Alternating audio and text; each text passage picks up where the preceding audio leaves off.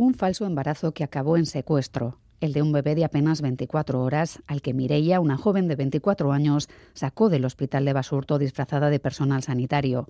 Les dijo que se lo llevaba para hacerle una prueba y salió con él del recinto. Pasaron horas en paradero desconocido, las mismas en las que sus padres y su entorno contuvieron la respiración. Soy Miriam Duque, la encargada de abriros esta Gambara Negra, un podcast de crónica negra en el que hacemos que ciencia, especialistas y pruebas hablen más que nosotros para recomponer la actualidad y tratar de entender la mente de quienes se escoran al lado oscuro. La pesadilla acababa 11 horas después, cuando una familia del barrio de Santuchu, también en Bilbao, escuchaba llamar a su puerta y al abrir se encontraban en el felpudo al bebé envuelto en una manta. Ella fue detenida poco después y ahora hay que saber por qué lo hizo, porque esa misma noche ya había intentado llevarse a otros bebés de sus habitaciones. Con Aymar, Lourdes Soria tuvo suerte.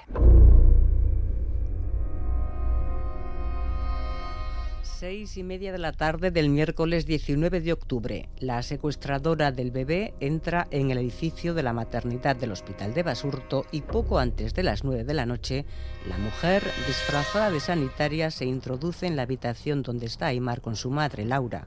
Le dice que tiene que llevarse al recién nacido para hacerle unas pruebas. La madre confía en su palabra y la mujer se va con el bebé. Cuando pasadas las nueve y media el padre se reúne con Laura en la habitación de la maternidad, la cuna sigue vacía. A la pareja le parece muy raro.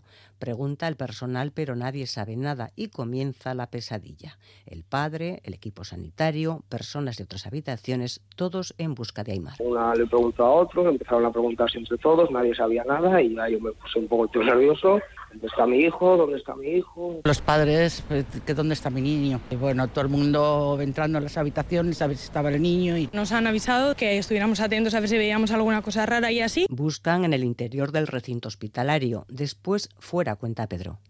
salí para afuera, busqué por contenedores, por arbustos, por esquinas, subía para arriba, bajaba. Eh, pues imagínate lo que lo que un padre cardíaco en ese momento haría. El bebé no aparece hay que avisar a la Archancha y a la Policía Municipal. A las 10 se constata que el bebé ha sido robado y se activa un amplio dispositivo de búsqueda. Se pide también la colaboración de repartidores, conductores de Uber y taxistas. Hemos pasado comunicado a todos los taxistas que nos ha llamado a la China eh, dos y media de la mañana. Hemos preguntado, pero no, nadie nos ha dicho nada.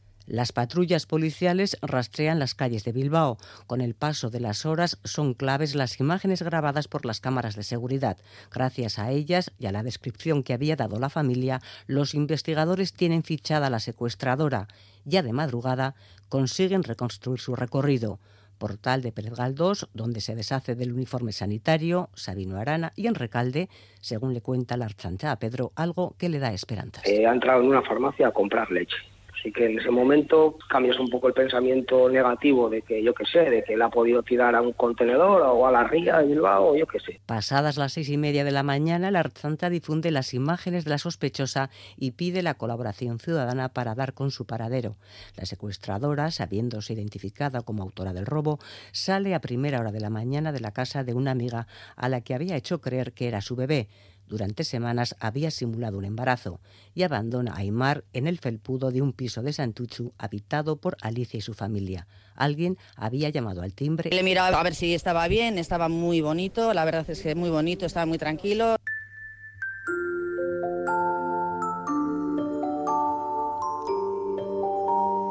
y ya solo faltaba avisar al 112 que los sanitarios comprobaran que en efecto el bebé estaba bien y devolverlo a sus padres.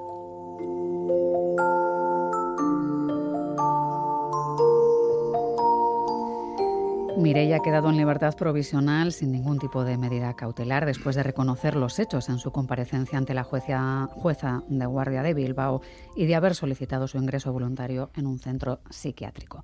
¿No existe riesgo de reincidencia? Habría despertado a la realidad y eso acaba con la posibilidad de que vuelva a repetir algo así? Son preguntas que nos hacemos y a las que esperamos poder ir dando respuesta ayudados por nuestros especialistas. Ander Retolaza, psiquiatra, ¿qué tal? ¿Cómo estás? Muy bien, muy bien. Supongo que es difícil saber qué pasa por la cabeza de una persona en una situación así, que bueno, pues la adrenalina modifica la percepción que tenemos de la realidad, de los riesgos, pero en esos primeros momentos Ander pudo pensar que de verdad todo saldría bien, que llegaría a casa y que podría hacer pasar a esa bebé por su propio bebé y seguir adelante. ¿En esos momentos puede pasar algo así? Siempre es muy difícil saber lo que alguien tiene en la cabeza, sea una persona, digamos, normal, de, trato normal, o una persona que pueda tener un trastorno mental. Nos lo tienen que contar y a veces no quieren. En este caso, pues hay, hay mucha reserva y confidencialidad, me parece natural, es bueno para, para todos, aunque me imagino que la familia tendrá mucho, mucha inquietud por saber cosas, ¿no? Da la idea de que hay una cosa como muy desesperada detrás, porque optar por una cosa así, que es muy, muy difícil que salga bien, que son casos que existen, pero son muy raros, pues indica que algún tipo de problema hay. No sabemos si exactamente un trastorno mental, que es una posibilidad. Ella ha pedido ingreso, pero tampoco eso significa que lo, que lo haya, aunque es probable. Y bueno, pues probablemente pensaba que podía salir bien, porque si no es que no lo intenta uno en, en, en esta situación, ¿no? Puede haber detrás muchas cosas. Mm, puede ser un trastorno psicótico, una persona que tiene una alteración de la función de realidad y puede llegar a pensar que el hijo suyo parece bastante raro, porque normalmente en la psicosis la alteración de la función de realidad es tan fuerte que se nota en otros aspectos de la vida. Aquí parece que todo fue muy bien planificado, programado, muy bien llevado, llevado a cabo. ¿no? Digamos que no daba un aspecto sospechoso. Puede ser una cosa que a lo que más apunta es que pudiera haber sido un embarazo simulado. Con los embarazos simulados, eh, claro, algunos son, son voluntarios y de ellos normalmente se obtiene eh, algún tipo de ventaja secundaria, ¿no? Porque hay otro tipo de embarazos. Recuerdo que son los embarazos fantasmas, los que técnicamente se llaman con una palabreja que es pseudociesis, que es el, embarazo imaginario, cuando a alguien de repente se le empieza a hinchar la tripa, incluso tiene, eh, se, le corta la regla y luego resulta que no está embarazado. Pasa con animales también, puede pasar con. Se entiende a veces como embarazo psicológico, ¿no? que tu cuerpo se altera y cree que está de verdad esperando un bebé. Tampoco esto parece muy probable, aunque puede haberse dado el caso y luego esta persona haber, haber bueno, haberse dado cuenta que en realidad no estaba embarazada. Hay otro tipo de embarazos que se llaman los, los, facticios, que también son muy raros. Los trastornos facticios son cuando se parecen mucho a, los, a, las simulaciones, lo que pasa que lo raro es que la persona no saca ninguna ventaja de eso, sino más bien problemas luego. ¿no? Y lo normal es que uno obtenga de esto alguna ventaja, algún, algo que esperaba obtener, que probablemente no ha obtenido en este caso. ¿no? Probablemente hay, hay, desde luego, hay muchas posibilidades de que haya algún tipo de trastorno mental. No parece que sea, que sea psicótico, pero lo que sí apunta a todo es que si no es un trastorno mental es una, situación de riesgo, porque alguien para llegar hasta ahí tiene que estar en unas circunstancias bastante especiales o difíciles, que son las que no conocemos y probablemente han, apuntado a, este, a este tipo de, de, enredo, de situación. Ander, iremos eh, tratando de acercarnos al detalle algunas de las cuestiones que, han ido pasando, pero quiero saludar también a Carlos Basas, él es escritor, experto en novela negra. ¿Qué tal, Carlos? ¿Cómo estás? Hola. También Iñaki Rusta está con nosotros, ha sido jefe de la Policía Científica de la Archancha durante décadas. ¿Qué tal, Iñaki? ¿Cómo estás? Muy bien, muy bien. Bueno, realmente hablamos de, un delito de detención ilegal y no de secuestro por parte de la acusada, que, entiendo que es más correcto en casos así. Eh, bueno, pues la mayoría puede pensar que hay riesgo de huida, de que vuelva a intentarlo en principio parece que, eso no se ha visto así, ¿no? Por, por la jueza al menos, ¿no? Bueno, en principio hay tres mecanismos, es que no vuelva a reincidir y tal, pero es una de las posibilidades que en este caso tenía jugado de guardia. El Ministerio Fiscal solicitó su ingreso en prisión, pero eso no significa que se proceda por parte del juzgado de instrucción que vaya a llevar la causa pues otras medidas cautelares, ¿no? En este caso ha solicitado la medida de libertad y sin ninguna medida cautelar, ¿no? Es verdad que fueron casi dos, 12 horas hasta dar con ella, Carlos, pero es verdad que en las redes sociales ella misma iba dando en cierta medida fes de vida, ¿no? colgando fotografías, mensajes, diciendo que el bebé estaba bien, lo cual eh, entiendo que, que, bueno, al menos eh, daba la sensación de que no tenía intención de hacerle daño, sino que estaba en una suerte de fantasía, ¿no? Pero sí que permitió que al menos se supiera que el bebé estaba bien. Mm. Bueno, yo, yo, aquí dos cosas importantes. Primero, eh, que me confirméis el dato porque yo creo haber oído al abogado de Mirella eh, dar una pieza clave en este caso y es el, eh, lo que yo buscaba como eh, el detonante de esta situación. El detonante, al parecer, fue que ella habría sufrido un aborto que no habría comunicado a nadie con lo cual eso sí puede ser un detonante claro para ese estado posterior de, pues bueno, llamadlo como queráis, Ander le pondrá nombre mucho mejor que yo, ¿no? De pseudopsicosis, enajenación, delirio, lo que sea. Siempre suele haber un, detonante en, en, estos casos, ¿no? Y otra cosa importante que también me gustaría que, Ander comentara, porque eh, es algo que me suelen preguntar a mí eh, en relación a determinado tipo de criminales, etcétera. El hecho de que estés, tú estés en un, en un estado pues, más o menos delirante, más o menos psicótico, la gente se imagina que no eres funcional y no, eh, puedes perfectamente planificar, planear eh, y ejecutar con eh, más, mayor o menor maestría un secuestro, como en este caso. Es decir, una cosa no quita la otra, no está todo tu cerebro enajenado, sino que eres capaz de planificar y capaz de, pues bueno, darte a la fuga, simular que eres un sanitario, probarlo en varias habitaciones, llevártelo, esconderlo dentro de una bolsa mientras sales del hospital, luego ponértelo en los brazos, cambiarte la ropa, etcétera, ¿no?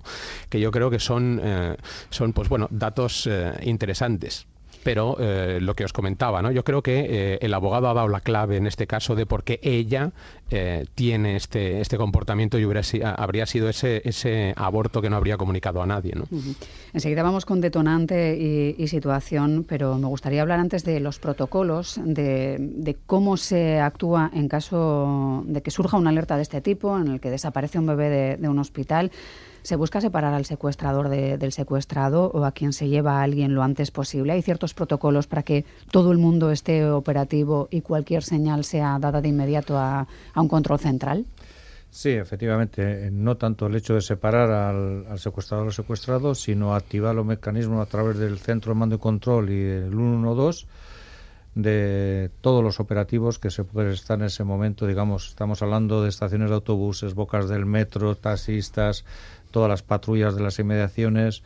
Según va avanzando la, investigación, a su vez se va teniendo más información de las características, eh, una vez visualizados partes de las imágenes, se va aportando toda esa información en tiempo real y es la que de alguna manera nos va a facilitar dar en este caso con, la secuestradora. Se suele poner también a un enlace con la policía para que sea una única persona la que está con la familia, para que tenga la sensación de que tienen a quién recurrir para sus dudas? Sí, no es tanto en sí como un enlace, sino es un portavoz en el cual se erige como, digamos, eh, receptor y a su vez transmisor de toda la información que está llegando en tiempo real para ir transmitiendo a la familia, ir tranquilizando si es el caso y eh, transmitirles la, empatía en este caso de todo lo que se está desarrollando y con, con la familia y siempre es mejor una persona que no venga ese, ese bombardeo de informaciones, por eso se nombran una persona en concreto, no solamente en estos casos, sí en otros casos también. Cámaras de seguridad, avisos a taxistas, a repartidores, eh, eh, tratar de tener controladas eh, bueno, pues los lugares en los que uno puede dirigirse en una dirección o en otra, saber cómo se articula todo esto es muy importante. Los taxistas, en este caso en Bilbao, tuvieron un papel destacado esa madrugada y queremos saludar a Iñaki Pardo, que es uno de los portavoces de Radio Taxi. Iñaki, ¿qué tal? ¿Cómo estás? ¿Cómo fue esa madrugada? Iñaki se avisó a toda la plantilla de que reportaran cualquier información que sirviera para localizarles. Eh, sí, se puso en contacto pues toda la flota de taxistas de Radio Taxi Bilbao por la emisora y estuvieron bueno pues toda la noche pendientes de a ver si podían ver a la persona que, había huido con, el bebé. Entiendo que se da una, en, un primer momento se buscó una colaboración ciudadana, se dio muy rápidamente una descripción física incluso de, la mujer, de la ropa que en principio se creía que llevaba. Entiendo que eso es lo que se traslada, se traslada por radio ¿no? a todos los taxistas. Eso es, en este caso, bueno, pues casualidad que uno de los taxistas había ido a recoger a unos clientes al hospital y justo al salir pues le estuvieron explicando cómo era la persona y el por la emisora pues eh, dio el aviso, dio la descripción de, esta chica y, estuvieron todos, toda la noche pendientes a ver si, había suerte. O sea que entiendo que prácticamente si llamáramos a cualquier taxista de Bilbao recordará perfectamente esa noche porque todo el mundo estaba con más ojos de los habituales, ¿no? A, a conseguir cualquier pista, ¿no? Sí, en este caso además como ha sido pues bueno pues un caso que ha sido un bebé que es como te alteras más, no estás como más pendiente, pero es una práctica habitual. O sea, nosotros tenemos un convenio de colaboración con con Bosch de Euskadi y cada vez que hay una persona desaparecida nos mandan un correo con el cartel de esa persona, lo reenviamos a todos los taxistas y se da aviso desde la central o entre los propios taxistas eh, por, la emisora. Eso es, una práctica habitual. Eso es VOST, que es la Asociación de Voluntarios Digitales de Emergencias de, Euskadi, que bueno pues colabora, como dices, con el 112 para desaparecidos. Si es que pasáis muchas horas en la calle y podéis ser de gran ayuda. En general, Iñaki, las noches son tranquilas, salvo por sobresaltos como el del otro día. Eh, sí, sí, normalmente Bilbao es una ciudad tranquila. Bueno, ahora un poco menos, pero, pero vamos, tampoco es una ciudad muy... Eh, con, con temas violentos, es una ciudad bastante pacífica. Claro, lo del otro día es que fue bastante llamativo. Sí, la verdad es que fue impactante. Estaba todo el mundo con el corazón encogido esperando que, todo acabara cuanto antes y, con grandes noticias.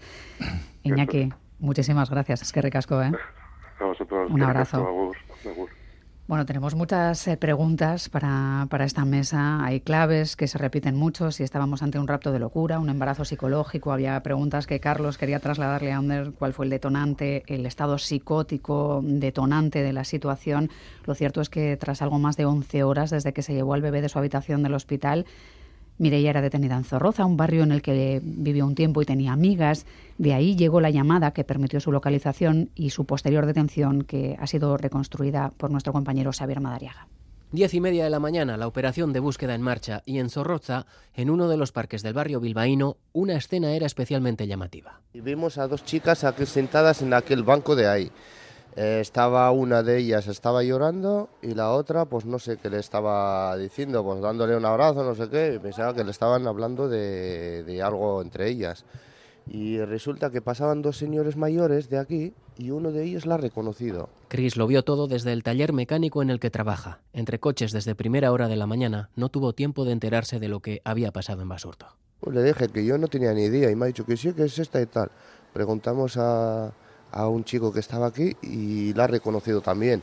Y llamaron a la Archaina y al de ni 10 minutos, en 5 minutos parecieron cinco coches. Los vecinos de la zona dicen no estar acostumbrados a semejante despliegue policial, menos aún a plena luz del día en una de las zonas más concurridas de Sorroza.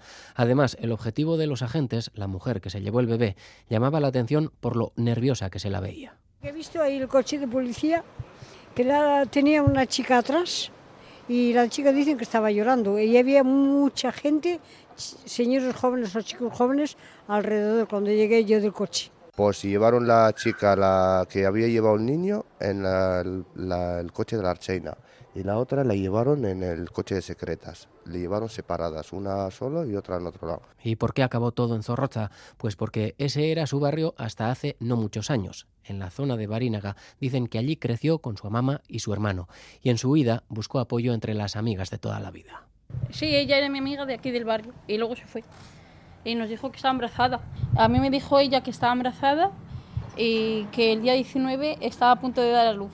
No es la única la que se lo dijo. En Santuchu, donde vivía actualmente, también fue difundiendo la noticia de su embarazo. Iba comprando ropa de bebé que los agentes encontraron en el registro de su casa. En su huida contactó con más de una vieja amistad de Zorroza. La llamaba a mi suegra así, quería venir aquí, nos había contado que a, ver si habíamos, si, si había visto lo que había pasado en Basurto. Tiene 24 años. Su abogado dice que antes de todo esto había recibido atención psiquiátrica y había sufrido un aborto.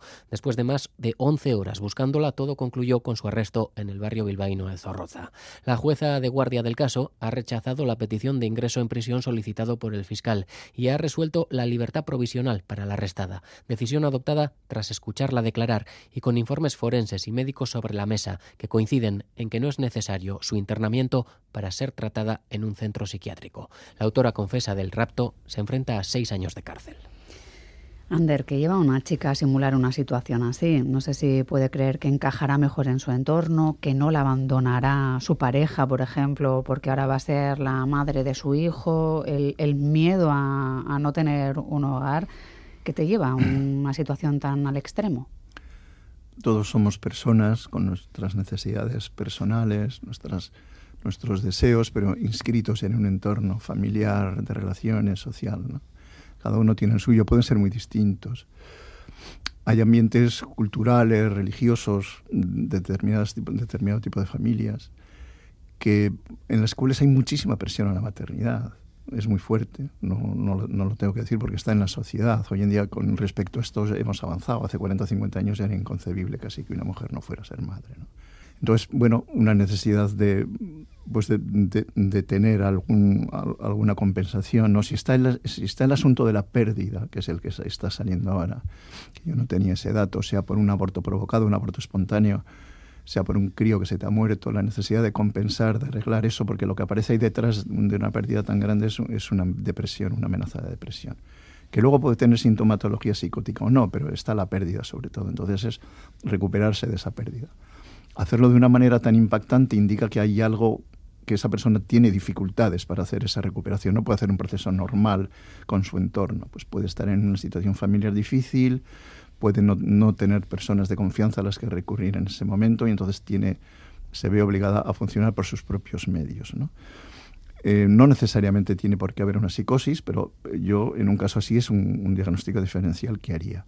Y lo que preguntaba el compañero Carlos, me parece hace, hace un momento, Hombre, una persona psicótica puede planificar determinadas acciones, ¿eh? puede estar, digamos que puede uno estar loco o muy dislocado en sus fines y sin embargo los medios por los cuales intenta conseguirlo son bastante aparentemente razonables. ¿no? Tengo yo algunos. Y mantenidos en el tiempo, porque. Esta es la cuestión, porque lo difícil es que un, psicótico los mantenga tanto tiempo en el tiempo. Efectivamente, los psicóticos tienen periodos que están más trastornados, con delirios y alucinaciones, otros están totalmente normales, pero mantenerlo tanto tiempo en el tiempo y en una situación de tanta tensión como la que tuvo esta persona, que estuvo varias horas con todo eso a mí me parece un poco improbable, por lo menos. Yo apuntaría más bien a, un, a, una problemática depresiva, de pérdida, con necesidad de, de compensar todo eso, con necesidad de encontrar un estatus como madre que probablemente solo lo podía encontrar a través de la maternidad, o bien sea para compensar una familia, a una pareja o encajar en un entorno, lo que fuera, ¿no? Y con este factor de pérdida tan, tan serio detrás. Yo en principio pensaría por ahí, porque ya os digo que siempre hay que hablar con las personas. Los psiquiatras hacemos hipótesis que luego los pacientes están están para, para tirarlas abajo, ¿no? Tenemos que siempre que hablar con cada uno porque cada circunstancia luego cambia. Y podría haber un rasgo de psicosis que yo creo que habría que, que habría que diferenciarlo, que habría que distinguirlo, pero en principio el aspecto que tiene esto a mí no me, no me lo parece, por lo menos en durante el, el momento del secuestro. No sé si en un periodo anterior pudo haberlo habido. Iñaki, claro, hay un momento en que el padre dice que cuando le avisan de que ha ido a una farmacia a comprar leche para bebé se tranquiliza un poco porque una nunca sabe o uno nunca sabe cuál es el, eh, el interés de esa persona cuando se lleva a un bebé, ¿no? Puede ser la peor de las intenciones que busque leche puede dar la esperanza al menos de que quiere cuidarle, pero entiendo que cuando hay un operativo así se trabaja con todas las posibilidades, ¿no? Incluyendo la de que quiera hacer daño a, la persona que se lleva, ¿no? A ese bebé. Tal y como decía Ander, eh, ella ha tenido un problema, lógicamente, ha tenido una pérdida de una criatura. Todos los mecanismos de activación que se desarrollan, como bien estabas comentando ahora, eh, el tiempo de respuesta y cuanto más largo va en el proceso, pues va en contra, lógicamente. Por eso es eh, la máxima urgencia en este caso dar con todos los mecanismos de búsqueda, de rastreo, como he comentado antes, de cámaras. En este caso, el hecho de que haya ido a comprar una farmacia nos pudiera dar más tranquilidad, eh, pues no lo sabemos, porque tampoco sabemos las reacciones de la persona posterior, porque hemos tenido casos en las cuales eh, ha actuado inicialmente de una forma y luego posteriormente el detonante final ha sido todo lo contrario que lo que pensábamos con esos primeros pasos. Por lo menos sí que da tranquilidad de que se está siguiendo eh, la búsqueda, se está siguiendo el rastreo en este caso. Y va a estar pronto, digamos, el, el, desenlace final en este caso en clave positiva. ¿no? Pero que se acaba dejando a ese bebé en un octavo piso, en un felpudo. Es, eh, es raro en un primer momento, Carlos, no sé si tú lo pensaste así también. Lo normal es que es mucho más fácil escaparte de un portal sin que te vean dejando un bebé en un primero y saliendo corriendo que tener que recorrer todo, todo ese itinerario. No sabemos muy bien qué, le llevó, pero sí que parece que estaba preparando el nido, ¿no? avisando las semanas previas a todo el mundo, enseñando ecografías. Iba contando ya una suerte de relato que tú como escritor sabes la importancia del relato. ¿no? Sí, eh, mira, yo, yo uní inmediatamente dos eh, hilos. Uno es el que estáis comentando, el hecho de que comprara leche de bebé con este segundo hecho de por qué eh, precisamente en el felpudo de Alicia y su familia.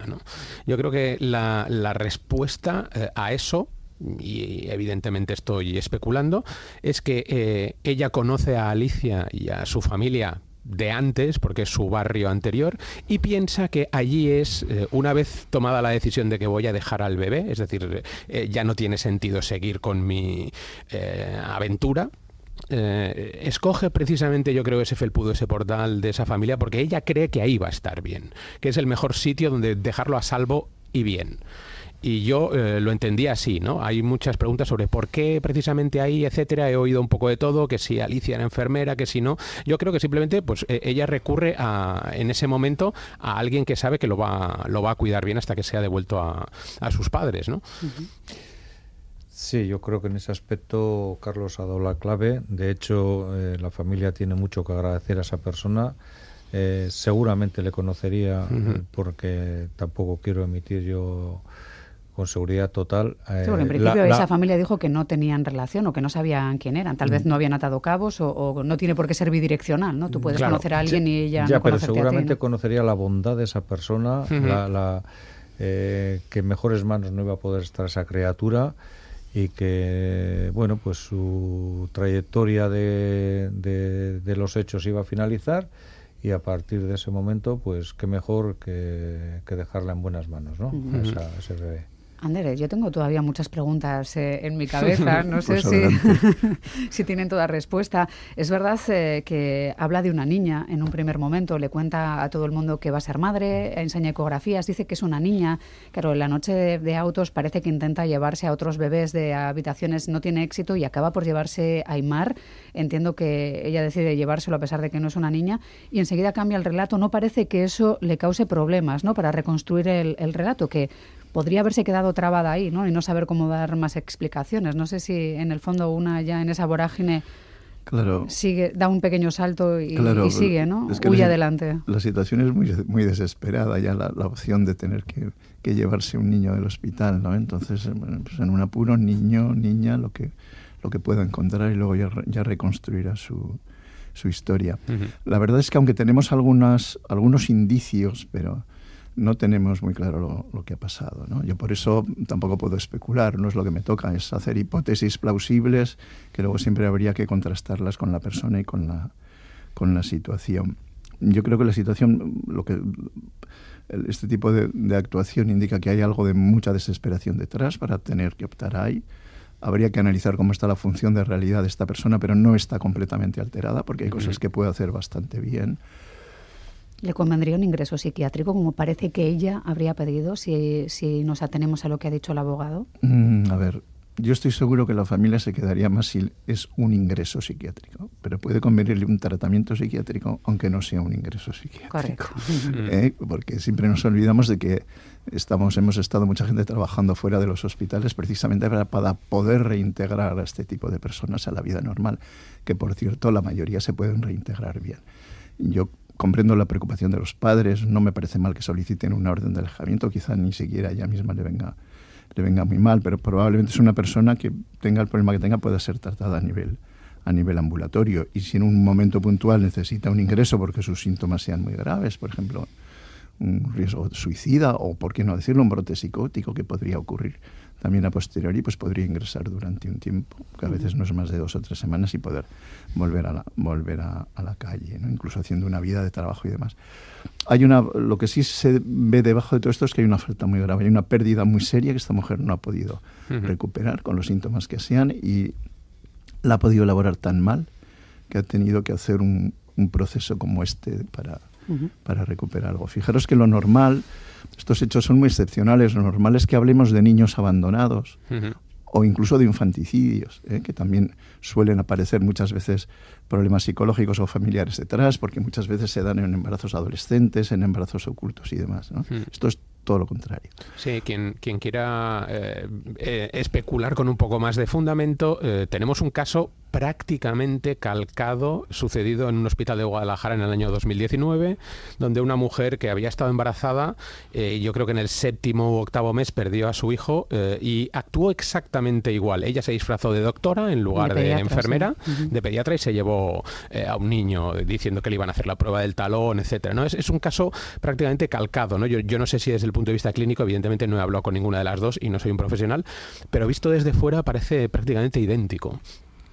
Claro, yo lo que tengo la sensación es, no sé si tenéis eh, también la sensación de que en ese momento actuaba sin miedo, en cierta medida porque era feliz, porque pensaba que realmente tenía una oportunidad de ser madre, o es demasiado. En ningún momento llegó a, a tener la sensación de que iba a salir bien. No podemos saber tanto, no podemos estar dentro de su cabeza, ¿no? Dudo que fuera feliz, podría tener alguna alguna sensación de realización, pero tendría que haber una mezcla de sentimientos, un temor, una ansiedad, toda una serie de cosas muy, muy mezclada. Y si, y si había algún ramo, algún resto de psicosis en su cabeza, pues incluso momentos de felicidad en, delante de todo ese proceso. La encontraron a la mañana siguiente llorando. Eh, probablemente durante la noche ya se dio cuenta de lo que iba a pasar. Sí, me refería en el momento de sustraerlo, que pues parecía muy calmada para lo que podía ser la situación. Bueno, calmada dentro de la, situación, ¿no? Mm. Pero no, no sabemos en realidad cómo estaba de calmada, no creo que mucho en, en una historia como esa. Y bueno, y afortunadamente parece que sí, sí quería al niño para, para tenerlo para sí o que viviera Imaginaros la circunstancia, podría haberse dado el caso y cambiaría todo mucho, que en vez de, en vez de cuidarlo no lo hubiera querido cuidar o hubiera tenido algún amago de, hacerle daño porque ya había perdido un crío, porque lo he perdido, pues ahora a este le tiene que pasar lo mismo. Tendría una lógica perfecta también y sin embargo parece que no fue el caso. Y sin embargo, ese, ese segundo caso sí, sí apuntaría más hacia, hacia unos rasgos de carácter patológicos, hacia una psicosis, en el caso de que hubiera querido hacer daño al niño pues nos alegra que, bueno, pues que a pesar de que la situación fue muy dramática, que fueron algo más de 11 horas muy desesperadas, al menos nadie quisiera hacer daño a, ese bebé y que, que, no tenga ningún recuerdo y que su familia lo olvide rápido, que, que, es importante también, y quedarnos con, bueno, pues que actuaron con protocolos correctamente y otros que habrá que ir mejorando aprovechando la situación que se ha producido aquí.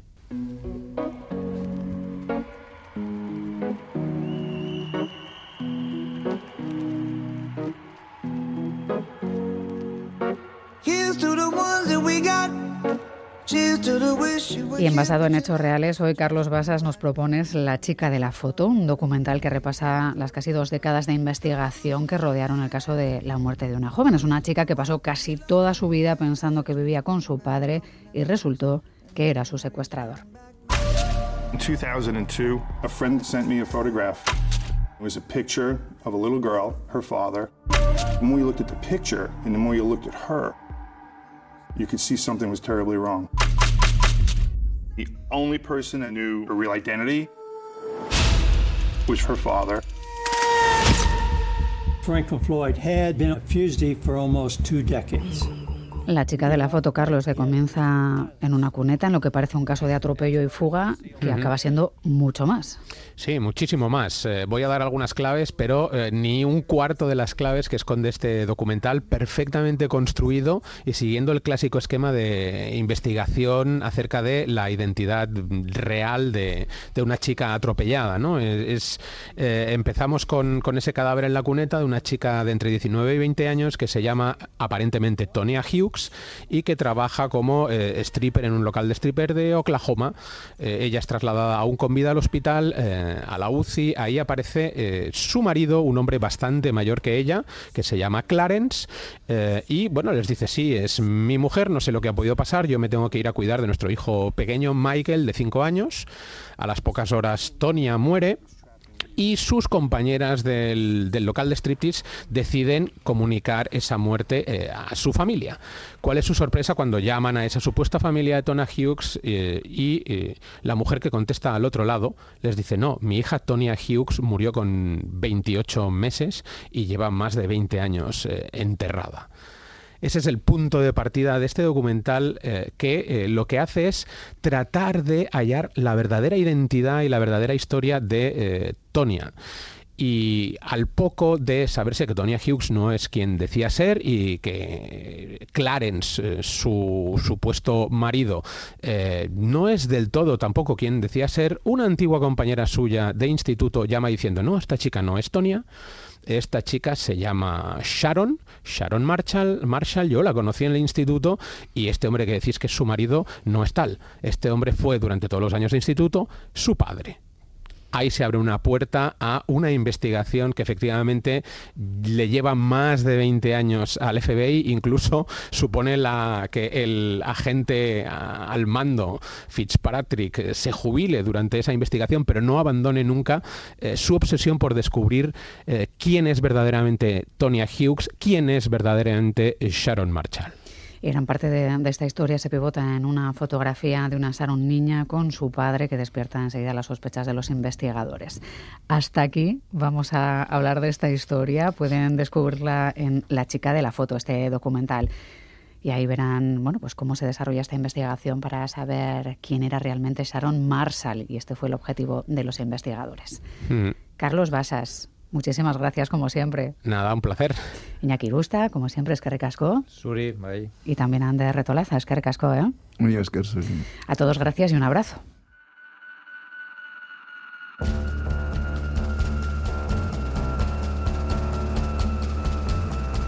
Gambara Negra, el podcast de crónica negra e investigación de EITB Podcast.